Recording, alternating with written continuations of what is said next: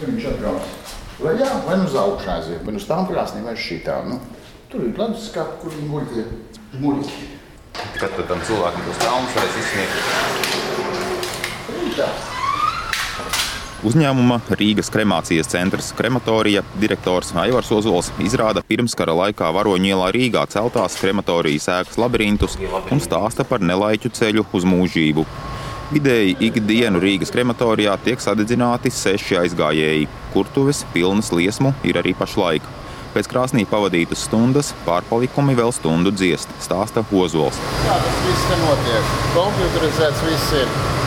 Uh, tur viņš nāk iekšā, šeit viņš nāk ārā. Tad viņš atdzesējās. Tad uz kremalātu, uz tādām uh, akmens bumbām tiek samalts. Tas, ja gadījumā paliek kaut kāda kaula vai kas, tur var rakstīt. Ja. Es saku, visi mums seši kurinātāji ir, visi ir apmācīti speciāli kursos. Čehi speciāli viņus mācīja, kā jāstrādā ar šo iekārtu. Šis nav jauns celts. Bet vecajos laikos Vecos augšā mums ir divas krāsnes, kuras praktiski nu, prokuratūra ir dokumentus varam, nu, tad viņiem slepenie dokumenti, kas ir, tos mēs kādreiz sadedzinām tajās krāsnēs. Nu, arī tad vēstniecībām, kam vajag. Visu laiku remonts vajadzīgs, ir viss, kas ir jātaisa. Nu, tas nav tā, ka ka tā ir rūpnīca praktiski. Mums arī, teiksim, ar viņam dienas tiesājamies par to, ka uh, viņi uzskata, ka mēs neesam ražošā. Viņi uzskata, ka vienīgais ražotājs ir Liepais metālurgs. Bet īstenībā šeit arī nu, tas ir process, tā ir ražošana. Es teiktu, būciņas necepam, vai ne? Mēs gatavs, nu, vai mēs sniedzam pakalpojumu iedzīvotājiem vai, vai kā, bet tas arī nepieciešams, jo mēs slimnīcas apkalpojam. Teiksim, viss biomateriāls tiek pie mums uh, kremēts. Pēc operācijām tas paliek pāri un tā. Gadā Rīgas krematorijā notiek te jau 2200 kremāciju. Turklāt skaitļi rāda augošu tendenci. Tur sadedzina ne tikai no slimnīcām atvesto, bet arī cietumos mirušos. Kopš Rīgas doma ļāva krematoriju privatizēt, pēdējos gandrīz 20 gadus tajā saimnieko viena videnieku ģimene. Krematorijas direktors Ozols sūrojas, ka bizness nav nekāds vieglais. Daudz naudas aizjūt remontos. Lursofta datubāzu informācija gan liecina, ka monopola stāvoklis Latvijas tirgū krematorijas saimniekiem ir ienesīgs. Gadā firma apgroza 830 tūkstošus eiro, bet pērn nopelnīti teju 63 tūkstoši. Īpašnieki Baiba un Juris Vidinieki nolēmuši peļņu izmaksāt dividendēs. Rīgas domes rīcību kremēšanas biznesu nododot vienās rokās, asi kritizē konkurences padomus priekšsēdētāja Skaidrīta Ābrama. Apmēram 20 gadus jau krematorija atrodas, nu, teiksim, tā varētu teikt, viena ģimenes uzņēmuma e, pārziņā. Kā ir bijuši iepirkumi, ja? vai ir bijis kaut kāds konkurss? Jā, pilnīgi teiksim, tas ir kārtējs gadījums, kas notiek, ka pašvaldība kaut kādā veidā arī, nu, saka, biznesā kaut ko dara. Jā. Noteikti resursi ir neparedzami, jo tik ilgstoši vispār neveikt nekādu iepirkumu izsolu uz tiesībām. Ļoti interesanti ir šis noteikums izstrādāts tā kā aburtais lokus, ka neviens cits to nevar pretendēt. Jo, lai jūs saņemtu, iegūtu kaut kādas tiesības nomāt Rīgas krematoriju, jums ir jāsaņem no Rīgas domes mājokļu un vidas departamenta licenci. Kad jūs ejat uz turieni saņemt licenci, tad jūs uzzināt, ka jūs varat saņemt licenci tikai tad, ja jums nomā ir krematorija, aburtais lokus. Man nedod krematoriju, jo man nav licences, bet, ja es gribu dabūt licenci, man nedod licenci, jo man krematorija nav nomā. Nu, tad pilnīgi kaut kāds atgādājums regulējums, kas patiesībā nu, pilnīgi izslēdz iespēju kādam ienākt. Ja man nav e, licence, es nedabūšu tiesības pat pretendēt uz Rīgas krematorijas e, nomu, bet es nekad nevarēšu vispār arī šo licenci dabūt, jo man nav bijusi nomā šī krematorija. Tas ir konkurences padomas viedoklis par šo lietu. Un otra lieta ir arī jāsaprot, ka mūsu departaments, kam šobrīd ir šī kapsētu funkcija uzticēta, ir jauns departaments. Vineta Dārzniece, Rīgas domas mājokļu un vidas departamenta tiesiskā nodrošinājuma pārvaldes priekšnieka pienākuma izpildītāja atgaiņājas, ka ilgadējās attiecības starp krematorijas saimniekiem un domi uzturējis Oļega Burova vadītais īpašuma departaments. Tur par līdz šim saņemto nomas maksu informāciju nesniedz.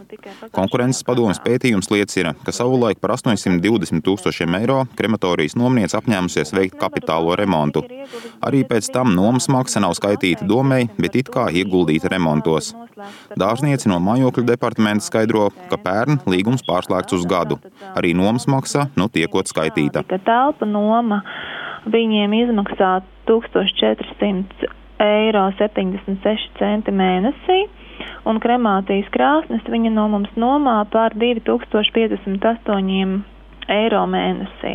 Tātad nākamā gada rudenī, tātad jau pirms tam, mūsu departaments pirmo reizi nonāks tādā situācijā, kad mums būs jāmeklē pakalpojums sniedzējs un atbilstoši normatīviem aktiem mēs sludināsim konkursu. Lai pieliktu punktu kremācijas biznesa monopolam, ik pa laikam publiskajā telpā nonāk ziņas par krematoriju celtniecības plāniem reģionos, bet līdz būvniecībai nav tikusi nec kāda Jelgavas vietvarai pietuvināta uzņēmēja, kam pašvaldība pat iznomāja zemi, nec arī citi līdzīgi noskaņot komersanti Tukumā un Liepājā. Vistuvāk kremēšanai pašlaik ir Sergejam Pizānam piedarošā Rīgas firma Apbedīšanas nams krematorija, kas plašāk zinām ar citas Pizānu firmas Paradisus nosaukumu.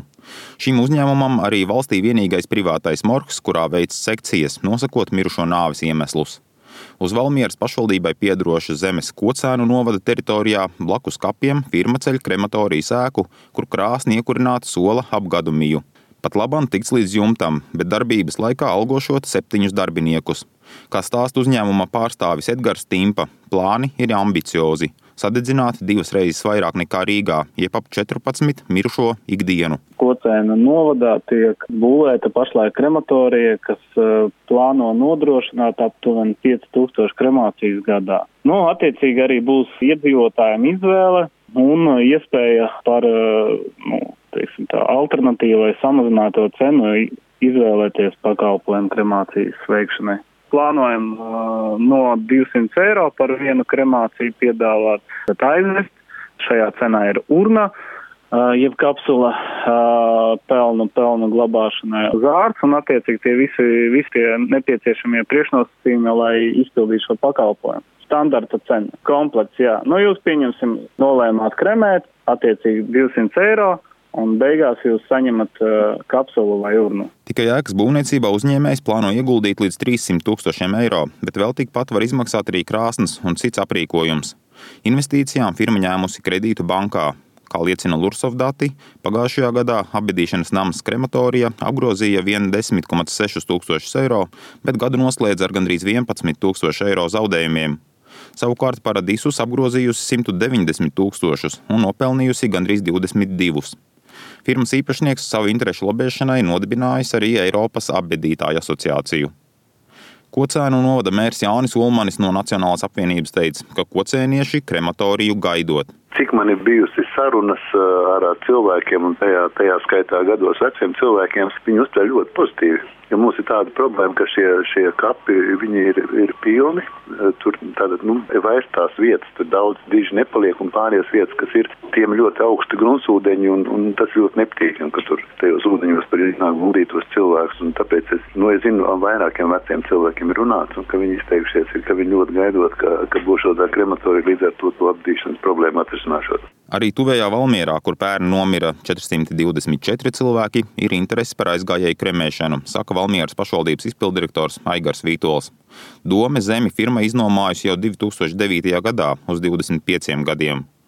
Tomēr plāni kremāciju nodrošināt par 200 eiro izklausās visnotaļ drosmīgi, jo Rīgā tikai dedzināšana vien maksā 250 eiro, bet vēl ap 200 eiro tiek prasīta par mirušā vešanu, cilāšanu, glabāšanu un atvadu zāles nomu.